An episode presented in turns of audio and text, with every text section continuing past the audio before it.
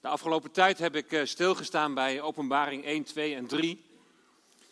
En we gaan vandaag verder met Openbaring hoofdstuk 4. De indeling van het Bijbelboek eh, Openbaring, die vind je in Openbaring 1, vers 19. Schrijf nu op wat u gezien hebt. Dus dat wordt tegen Johannes gezegd. Schrijf nu op wat u hebt gezien. En wat hij heeft gezien, dat was hoofdstuk 1. En dat was de verheerlijkte Heer Jezus. De Heer Jezus in al zijn glorie en macht werd daar op een hele bijzondere wijze omschreven. Schrijven ook op wat is. En dat was dan die hoofdstuk 2 en hoofdstuk 3. En dat ging over de gemeente van de Heer Jezus Christus. Ik heb toen wel gezegd van, ja, waar gaat het precies over? Gaat het over de gelovigen van alle tijden? Of is het ook specifiek aan Joodse gelovigen gericht? En dan wat hierna zal geschieden. En dat is hoofdstuk 4 tot en met 22. Waar ik in ieder geval hoofdstuk 4 en 5 nog van hoop te behandelen. Hoofdstuk 4 begint dan ook met hierna. En tussen de versen door, we gaan die elf versen gaan we lezen. En tussen de versen door zal ik iedere keer even wat toelichting geven wat de betekenis is. En als we dan bij vers 11 zijn, het laatste vers, dan gaan we even een break maken. En dan gaan we dat vers gaan we met elkaar zingen. Want dat, lied, dat, dat vers is namelijk vertaald in Openbaring 52. Gij zijt waardig, gij zijt waardig, o Heer, een lied van aanbidding. En past natuurlijk helemaal bij het thema hemelse aanbidding. Vers 1. Hierna zag ik en zie, er was een deur geopend in de hemel. En de eerste stem, die ik als van een bazuin met mij had horen spreken, die zei: Kom hier omhoog, en ik zal u laten zien wat hierna geschieden moet. Er zijn uitleggers die dat hierna, die dat duiden op de periode na de gemeente. Dus na hoofdstuk 2 en 3. Openbaring 4 zou dan duiden op de opname van de gemeente. En dan als je het boek chronologisch gaat lezen, dan kom je daarna bij hoofdstuk 6. En daar heb je dan de grote verdrukking. De toren van het lam wordt daarover gesproken. En dan is de conclusie dat de gemeente wordt opgenomen voor die grote verdrukking. Dat is dan de gedachte. Nou, dat zou kunnen. Maar het staat er niet heel concreet, dus dat blijft altijd wel interpretatie. Daar wil ik wel even op wijzen. Ik kom daar zo meteen nog even op terug. Die stem als van een bazuin, die komen we dus ook al tegen in hoofdstuk 1. Daar staat namelijk, ik was in de geest op de dag des Heren en ik hoorde achter mij een luide stem als van een bazuin. En als Johannes zich dan omkeert, dan ziet hij daar de Heer Jezus in al zijn heerlijkheid en pracht en glorie. En hij valt als dood voor zijn voeten neer. Dus die stem hier in openbaring is diezelfde stem, is de stem van de Heer Jezus die Johannes uitnodigt. Kom maar, klim hier omhoog. Hij nodigt Johannes uit om een kijkje te nemen in de hemel. Hij nodigt Johannes uit om een kijkje te nemen in de troonzaal. En dan staat er, en meteen raakte ik in geestvervoering. Dat hadden we in hoofdstuk 1 ook al gelezen. En zie, er stond een troon in de hemel en op die troon daar zat iemand. En dat gebeurt vier keer in de openbaring dat Johannes ehm, in de geest, als het ware door de geest gegrepen, in de geest inzicht krijgt in de toekomst, maar inzicht krijgt ook in het geestelijke, in de geestelijke wereld. En waar draait heel hoofdstuk 4 dan om? Er zit iemand op de troon. Hou dat vooral vast. Er zit iemand op de troon. En dan gaat het verder in vers 3. En hij die daar zat, die zag eruit als de stenen jaspis en sardius. En er was een regenboog rondom de troon die eruit zag als een smaragd. Nou, er worden hier drie edelstenen genoemd. Jaspis, sardius en smaragd.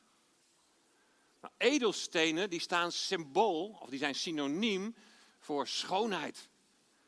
Voor heerlijkheid, voor, voor schittering, voor pracht, voor, voor ook heel veel waarde. En edelstenen zijn aards en ze zijn stoffelijk. Maar ze staan hier ook beeld voor hemelse zaken, zoals we zo zullen zien. Het gaat om drie edelstenen van de twaalf edelstenen die op het borstschild staan van de hoge priester. Je ziet daar een plaatje van. Dus drie van de twaalf edelstenen die op het borstschild van de hoge priester zitten. Twaalf stenen die de twaalf stammen van Israël representeren. En die draagt de hoge priester dus mee, ingaande in het heilige der heiligen. Dan neemt hij als het ware het volk mee en representeert hij het volk en mogen ze zo in de aanwezigheid van God zijn. Het zijn vier rijen van drie stenen. De jaspis is de laatste op de vierde rij. En die staat voor de stam Benjamin. En Benjamin is de jongste zoon van Jacob, dus de laatste. En Benjamin betekent zoon van de rechterhand. De sardius, die is de eerste op de eerste rij. En die staat voor de stam Ruben. De oudste zoon van Jacob, dus de eerste zoon van Jacob. En Ruben betekent zie, de zoon. De smaragd, die vinden we op de tweede rij. En die staat voor de stam van Juda. En Juda betekent geprezen, bewonderd. De vader op de troon, die zegt als het ware, zie de zoon aan mijn rechterhand. Hij is de eerste en de laatste. Hij die uit de stam van Juda is, geprezen is hij. En hij die daar zat op de troon zag eruit als. God de Vader die, die, die wijst als het ware naar de Zoon. En zij worden hier in eenheid, worden ze beschreven in al hun schoonheid en schittering en majesteit. En er was een regenboog rondom de troon, als, als van een smaragd. En de regenboog is het teken van Gods verbond met de mensen. We hebben het net gehoord bij de opening van de dienst. Het beeld van zijn geduld met een zondige wereld. En als Johannes de regenboog ziet, dan wil dat zeggen dat de komende gebeurtenissen, en nou, de komende gebeurtenissen, als je zo het boek Openbaring doorleest, die zijn niet al te prettig. Maar dat ook zelfs die komende gebeurtenissen, dat ze in het teken staan van Gods trouw aan zijn schepping. Eenmaal maakt hij alles weer nieuw. Openbaring 22. En rondom de troon stonden 24 tronen. En op de tronen zag ik 24 ouderlingen zitten, bekleed met witte kleren en met gouden kronen op hun hoofd. Ja, wat betekent dat getal 24? Wie zijn nou die ouderlingen? In het vroegere Israël hadden ze 24 priesterklassen. In 1 Kronieken 24 kun je dat lezen. En dan kun je in een hoofdstuk daarna, in 1 Kronieken 25, dan lees je dat er in de tempel 288 zangers zijn. Zijn er nogal wat? Dat zijn 24 aanbiddingsteams van elk 12 zangers. En je moet het voor jezelf nog maar eens nalezen. Daar staat dat ze volleerd zijn. 24 is het getal van de representatie. Ze representeren een groep van priesters. En hoe moet je het zien? In openbaring zien we op een gegeven moment dat God zijn volk gaat herstellen. En het begrip oudste kennen zij ook als volk Israël. Kunnen die 24 ouderlingen dan duiden op hen die uit Gods volk tot geloof zullen komen of, of zijn gekomen? En dat Johannes wordt getoond als het ware, het gaat goed komen met, met dat volk. Gans Israël zal behouden worden, zoals, zoals, zoals Paulus dat ook in de Romeinenbrief zegt.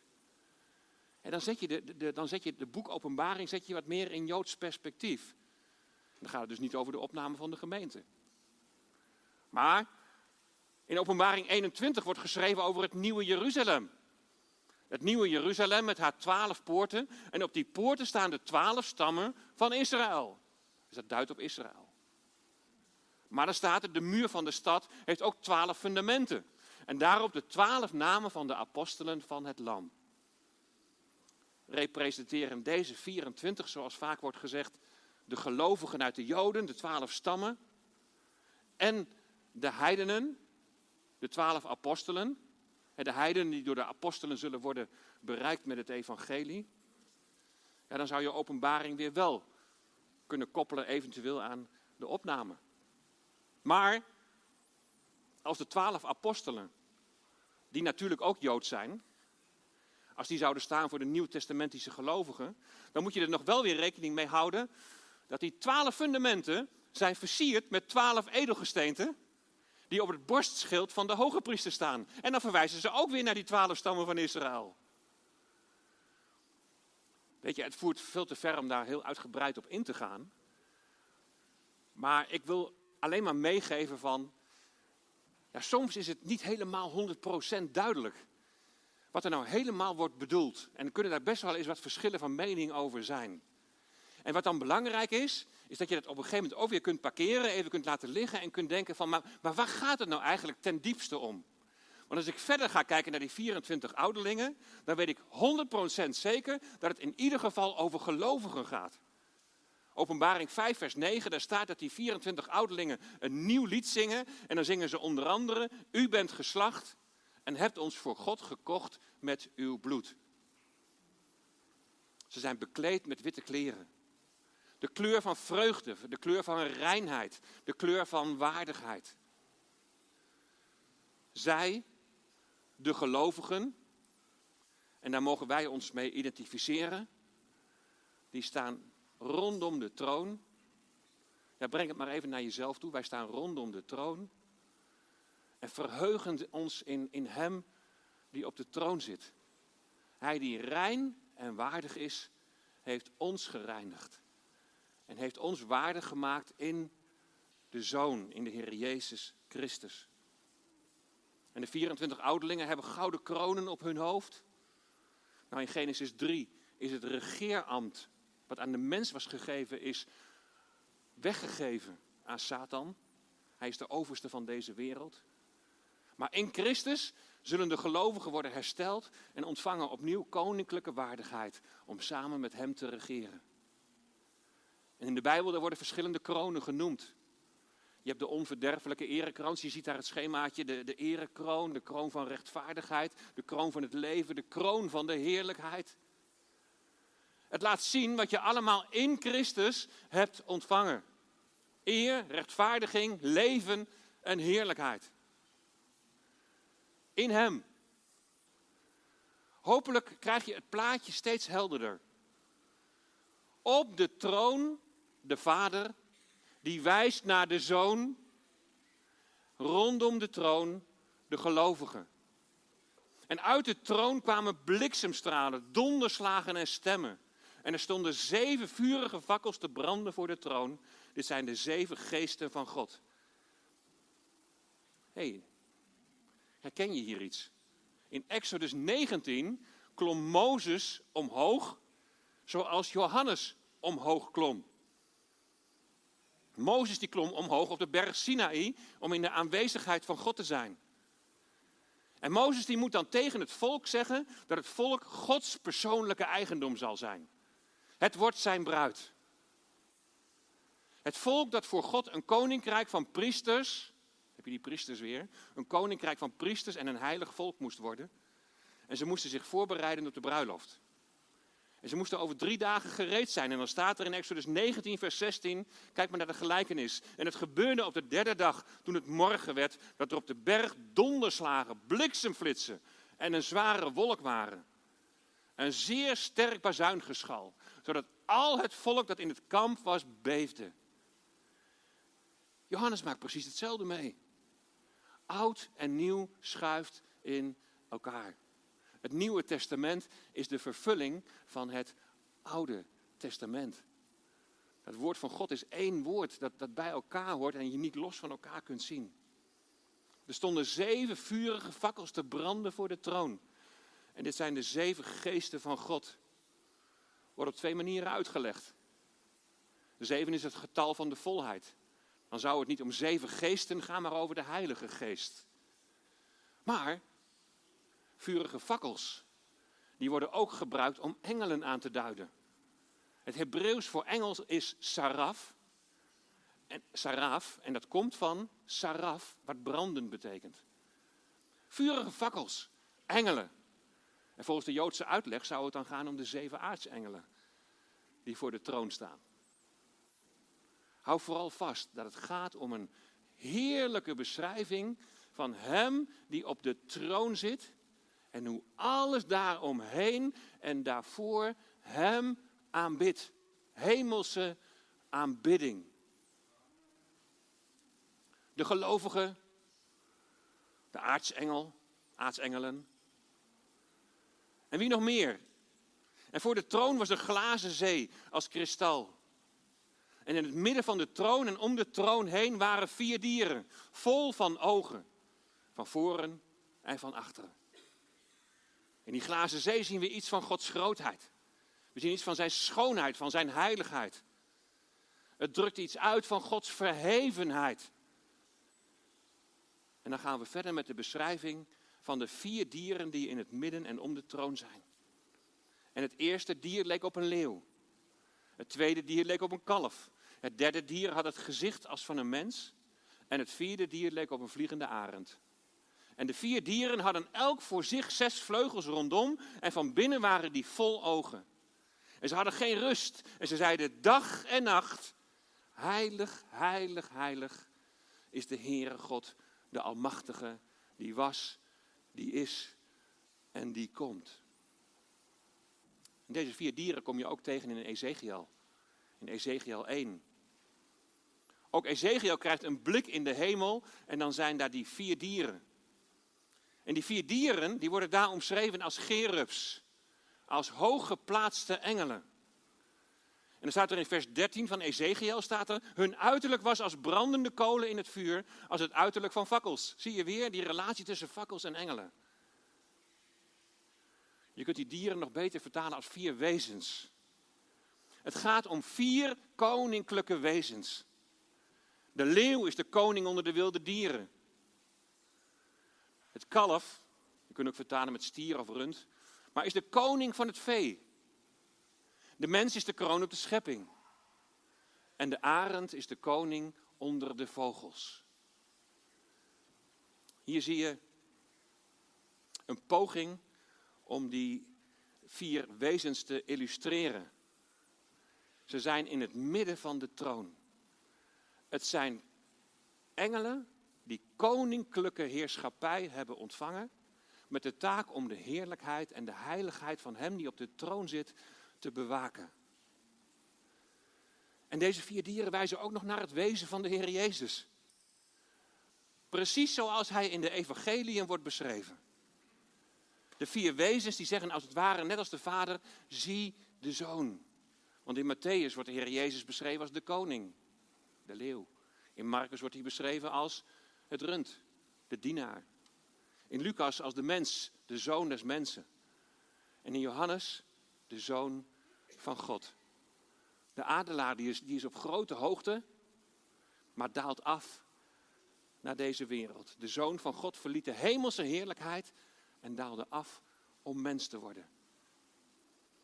En dan volgt in vers 9, 10 en 11 de aanbidding. De aanbidding van de vier wezens, de engelen en de 24 ouderlingen, de gelovigen. En telkens wanneer de dieren heerlijkheid, eer en dank brachten aan hem die op de troon zat en die leeft in alle eeuwigheid, wierpen de 24 ouderlingen zich neer voor hem die op de troon zat. Aanbidden hem die leeft in alle eeuwigheid. En wierpen hun kronen voor de troon en zeiden, u bent het waard, heren, te ontvangen de heerlijkheid, de eer en de kracht. Want u hebt alle dingen geschapen. En door uw wil bestaan zij en zijn zij geschapen. Ik ga er hier zo meteen verder op in, maar we gaan eerst dat lied zingen van vers 11. Gij zijt waardig, gij zijt waardig, gij zijt waardig, o Heer. En probeer eens even die voorstelling te maken van, van openbaring 4. Er is iemand op de troon. We zijn allen rondom de troon. En we mogen Hem aanbidden die op de troon zit. Gij zijt waardig, gij zijt waardig, gij zijt waardig, o Heer. En denk er, ook, denk er ook even over na in welke houding je dat wil doen. Ja, want je kunt in allerlei houdingen doen, hè. Je kunt inderdaad gaan staan uit eerbied voor Hem, om Hem te aanbidden. We zien hier dat mensen zich neerwerpen. Aanbid God vanuit je hart. Daar gaat het vooral om. Laten we dit als een aanbiddingslied zingen voor Hem. Gij zijt waardig, gij zijt waardig, o Heer.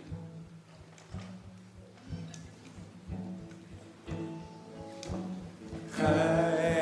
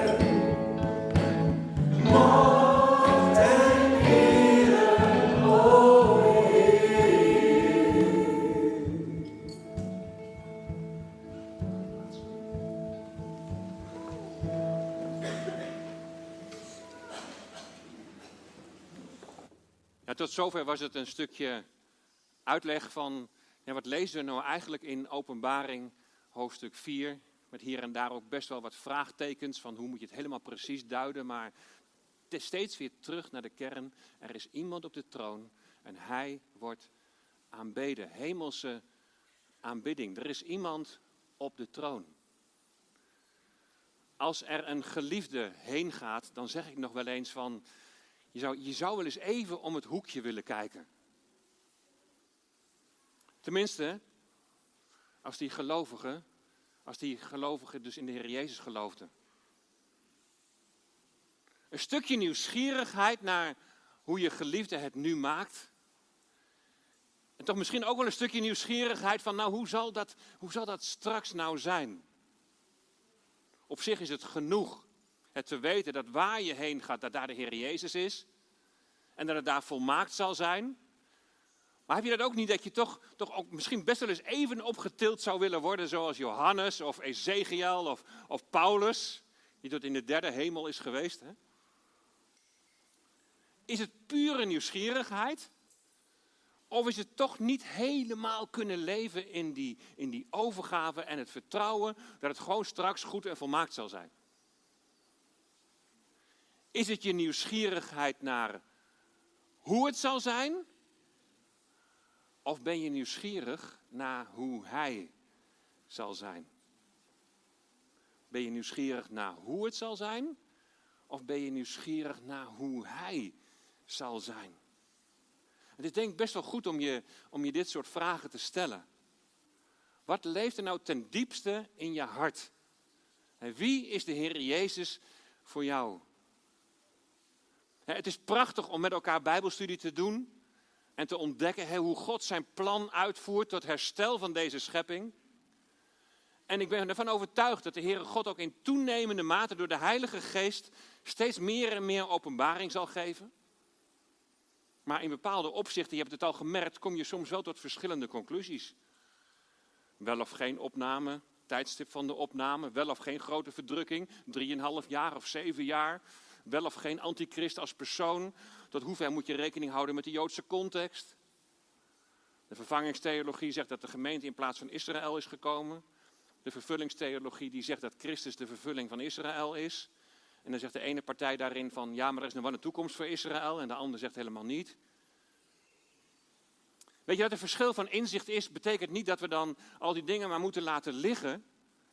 Wat in heel veel gevallen gebeurt. En dat je dan helemaal niks meer hoort over toekomst of over Gods plan of over eindtijd. Juist door met elkaar in gesprek te gaan en biddend samen Gods woord te onderzoeken, wil God ons leiden in de waarheid en kunnen we weer van elkaar leren. En kunnen we met elkaar groeien daarin. Maar het betekent natuurlijk niet dat we ons als kluizenaars moeten gaan opsluiten en dan alleen maar met studie bezig moeten zijn. De Heer wil immers dat wij daders van het woord zijn. Waarom zou je meer van Gods plan willen weten? Wil je meer van Gods plan weten? Wil je meer van tijdstippen weten? Om jouw kennis hierover te kunnen etaleren? Kijk eens wat ik weet. Wil je het weten om toch, toch nog iets meer grip op je leven te kunnen houden? Wil je het misschien weten om andere mensen te kunnen waarschuwen van hé, hey, het, het gaat een keer aflopen hier? Dat laatste is natuurlijk heel legitiem, maar moet dat je diepste drijfveer zijn? Om iets te ontdekken wat God van plan is. Even om het hoekje willen kijken. Is het een nieuwsgierigheid naar hoe het zal zijn, hoe het zal gaan en wanneer het zal plaatsvinden? Of is het een nieuwsgierigheid naar hoe Hij zal zijn? Jezus de Messias, die zijn leven voor jou en mij gaf, Hij die ons onvoorwaardelijk lief heeft. Hij die jou bij God de Vader brengt. In Christus, door geloof in Hem, is er toegang tot de genade troon van God. Nou, je kunt openbaring 4 lezen als iets dat in de toekomst zijn beslag zal krijgen. Maar je kunt het ook toepassen op vandaag. In Hebreeën 10, daar staat, kun je zo mooi lezen dat er nu, vandaag, op dit moment, dat er al toegang is tot de troon van God. Lees maar mee en laat, en laat het op je inwerken. Er staat namelijk, broeders en zusters, dankzij het bloed van Jezus kunnen we zonder schroom het heiligdom binnengaan.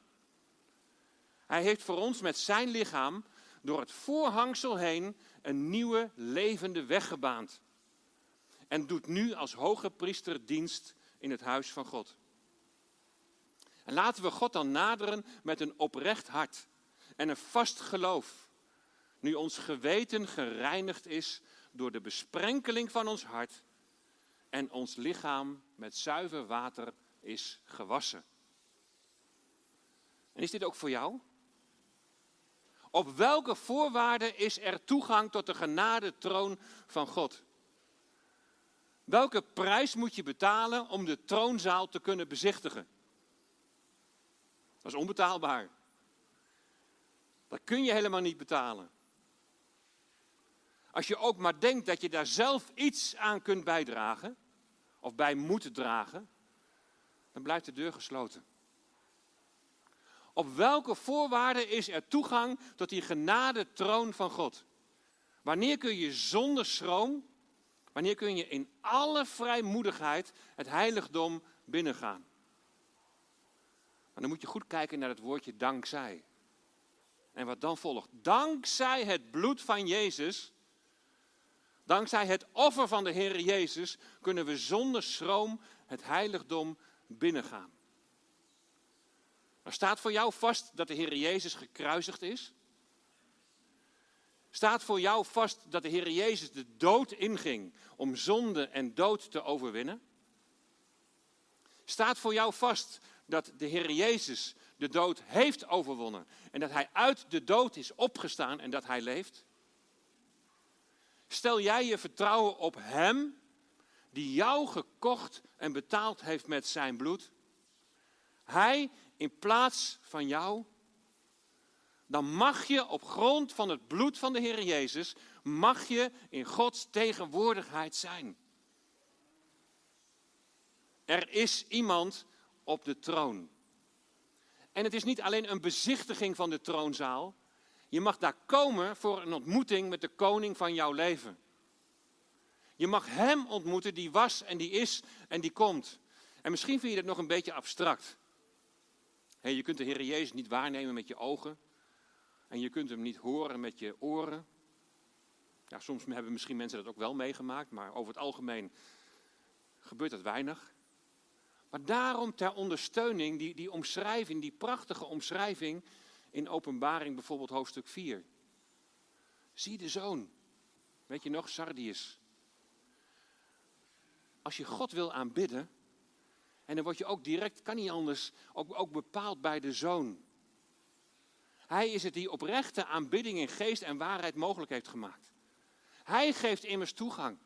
Alleen door de Heer Jezus hebben we toegang tot het hemelse heiligdom. Niet alleen straks, maar, maar nu al, op dit moment, mogen we in de tegenwoordigheid van God zijn. En is het de Vader die jou aanziet in zijn Zoon.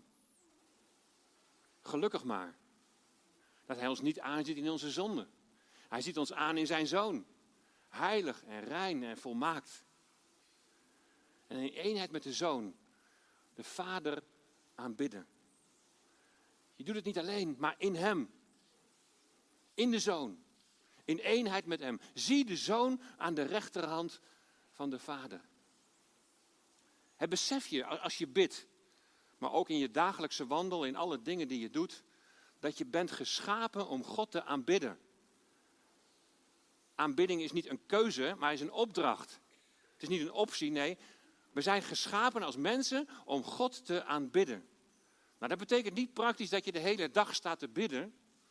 Maar aanbidding is laten zien dat Hij, die jij aanbidt, dat Hij het voor het zeggen heeft in jouw leven. Daar komt uit voort dat aanbidding een levensstijl is. Je bent zo onder de indruk van Hem die op de troon zit. Je bent zo onder de indruk van de Zoon. De Zoon aan zijn rechterhand. Je bent zo onder de indruk dat je niet anders kunt dan je je volkomen aan Hem overgeven.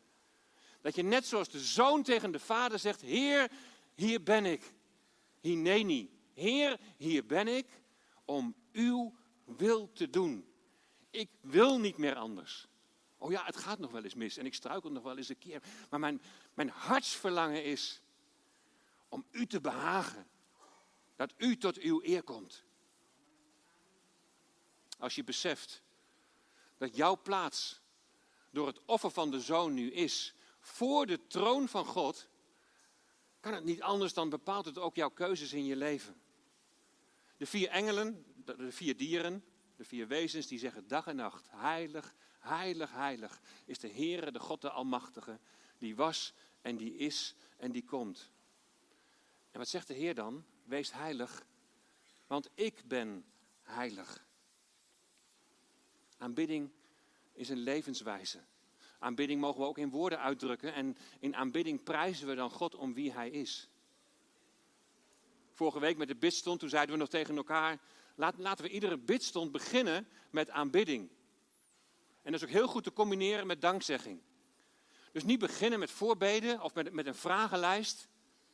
Dat mag ook. We mogen onze harten uitstorten voor Hem. We mogen Hem alles bekendmaken en Hem in alle dingen van ons leven betrekken. Helemaal niets mis mee. Maar laten we beginnen met aanbidding. Dat we Hem prijzen om wie Hij is. De Heilige, de Almachtige. Maar ook jouw Vader en ook jouw Trooster.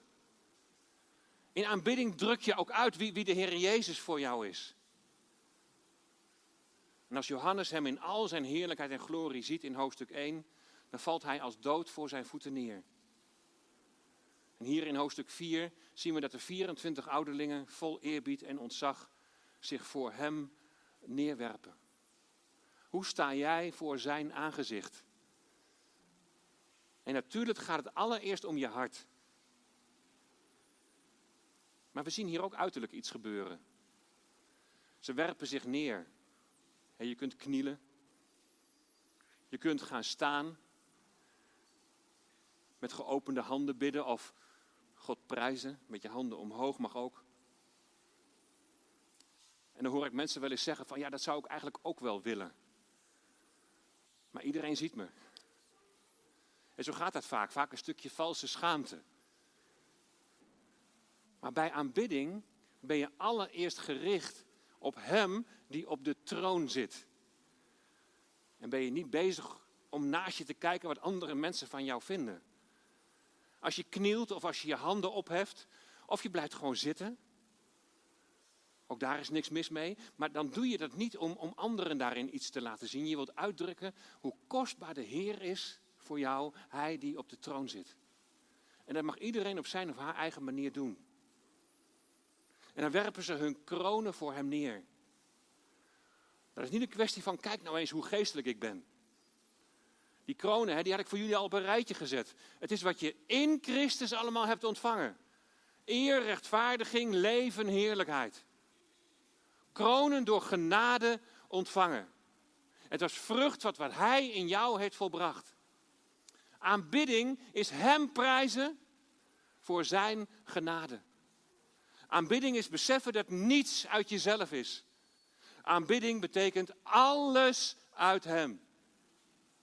Iedere bidstond beginnen met aanbidding. Welke plek heeft aanbidding in de zondagse samenkomst? Bij de opening van de dienst zouden we daarop kunnen letten. Uh, wat zijn echte aanbiddingsliederen? Ook even naar de muziekteams toe.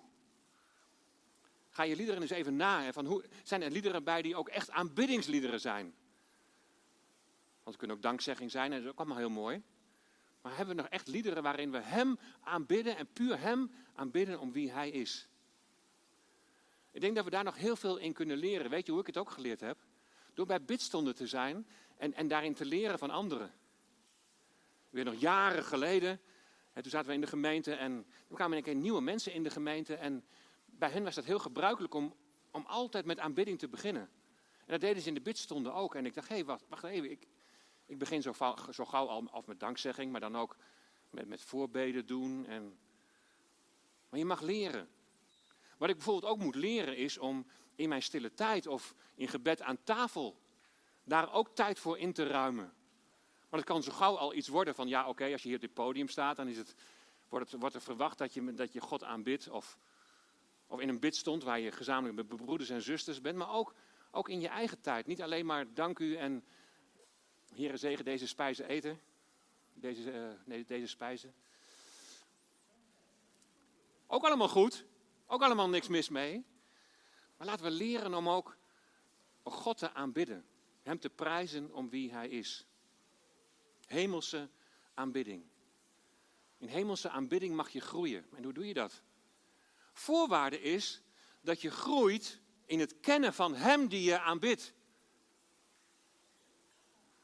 En hoe leer je Hem kennen? Hij openbaart zich in het Woord.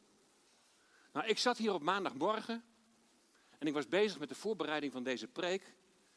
En mij overviel ineens zo ontzag voor de Heer toen ik zo openbaring 4 aan het lezen was. Die woorden van openbaring 4 die kwamen zo binnen. Het was net alsof ik met Johannes opgetrokken werd in de hemel. En het, en het echt, echt waar, het ik heb het Karin later ook nog verteld. Ik zei, het, het gaf me op dat moment zo'n intens gevoel van geluk. En natuurlijk zijn er ook in mijn leven zijn er dingen waar je zorgen over maakt of waar je verdrietig over bent. En natuurlijk heb ik ook dingen waar ik mee worstel. Johannes had het ook niet makkelijk. In ballingschap op het eiland Patmos, uitgerangeerd. Wat kun je nog? En misschien worstel je daar ook wel mee. Hoor ik er nog wel bij? Of kan God mij nog wel gebruiken? Kan God mij nog wel gebruiken? Je zult maar 93 jaar zijn en alleen maar thuis zitten. Zuster Jannie Brandt, ik weet bijna zeker dat ze vanmorgen meekijkt. We waren van de week even bij haar op bezoek en het is mij in de rug geschoten. En behoorlijk. En ik was bij haar. En uh, op een gegeven moment, ik moest opstaan uit de stoel, maar ik kon niet meer overeind komen. En Jannie Brandt, die vergat helemaal haar rollator. En die kwam op mij afgesneld. En die tilde mij op uit de stoel. Dat is dan nog lichamelijk. Maar tegelijkertijd stelde zij ook weer vragen aan mij. Dat ik dacht van, hé, hey, nu word ik bevestigd in waar mag ik straks in het komende seizoen mee verder gaan. Mooi hè? 93 jaar. Het is zo belangrijk om Hem te kennen die zich openbaart in het Woord. En als je je dan onderdompelt in het Woord, dan je, ontmoet je de Heer Jezus in al zijn liefde, zijn grootheid en zijn majesteit. En dan vervagen de dingen rondom je. Dan komt ineens alles in een heel ander perspectief te staan. Een kijkje in de troonzaal in de hemel. Op wat een vooruitzicht. En misschien valt het leven je nu wel zwaar. En misschien is daardoor je aanbidding wat verstomd. Dan wil ik je met de volgende Bijbeltekst bemoedigen. En dat is geschreven door iemand die heel goed weet wat lijden is. Want ik ben ervan overtuigd dat het lijden van de tegenwoordige tijd niet opweegt tegen de heerlijkheid die aan ons geopenbaard zal worden. Ik hoop dat je vanmorgen iets hebt geproefd van die heerlijkheid. Zie de zoon, de zoon aan de rechterhand, de onoverwinnelijke uit de stam van Juda, hij die was, die is en die komt. U bent het waard, heren, te ontvangen de heerlijkheid, de eer en de kracht. Want u hebt alle dingen geschapen en door uw wil bestaan zij en zijn zij geschapen. Weet je niet zo goed hoe je, hoe je in woorden aanbidding vorm moet geven? Dan kun je gewoon de Bijbel lezen. Dan kun je bijvoorbeeld alleen vers 11 bidden. En daarin God aanbidden en prijzen om wie Hij is. Hem aanbidden is erkennen dat Hij de bron van ons bestaan is. Dat Hij onze aanbidding waard is. Als je gaat oefenen in aanbidding, probeer dit beeld van openbaring 4 nog eens voor ogen te houden. En luister de uitleg van de beelden nog eens een keer rustig na. Maak voor jezelf misschien even zo wat aantekeningen. En, en, en dan komen de woorden. Bijvoorbeeld, Heere Jezus, ik erken en beleid, u bent de Zoon. U bent de Zoon aan de rechterhand van de Vader. U bent de onoverwinnelijke. U die is en die was en die komen zal. Vol ontzag bidden we samen met de engelen tot eer van u. En dan bid je, Heer, u bent de eerste, u bent de laatste. In het teken van de regenboog zie ik uw trouw. U bent trouw. En u laat nooit los het werk dat u bent begonnen. Maar u zult het voleindigen. Hemelse aanbidding. Lieve mensen, lieve broeders en zusters, er is toegang tot het hemelse heiligdom. Niet door verdiensten, maar door het bloed van de Heer Jezus. Dus besef ook op het moment dat je bidt, of op het moment dat je wat ook doet, of op het moment dat je samen zingt als gemeente, dat je beseft, we staan voor de troon van God om Hem alle eer te brengen die Hem toekomt. We zijn niet zomaar wat liedjes aan het zingen. Nee, we zingen tot eer en glorie van Hem.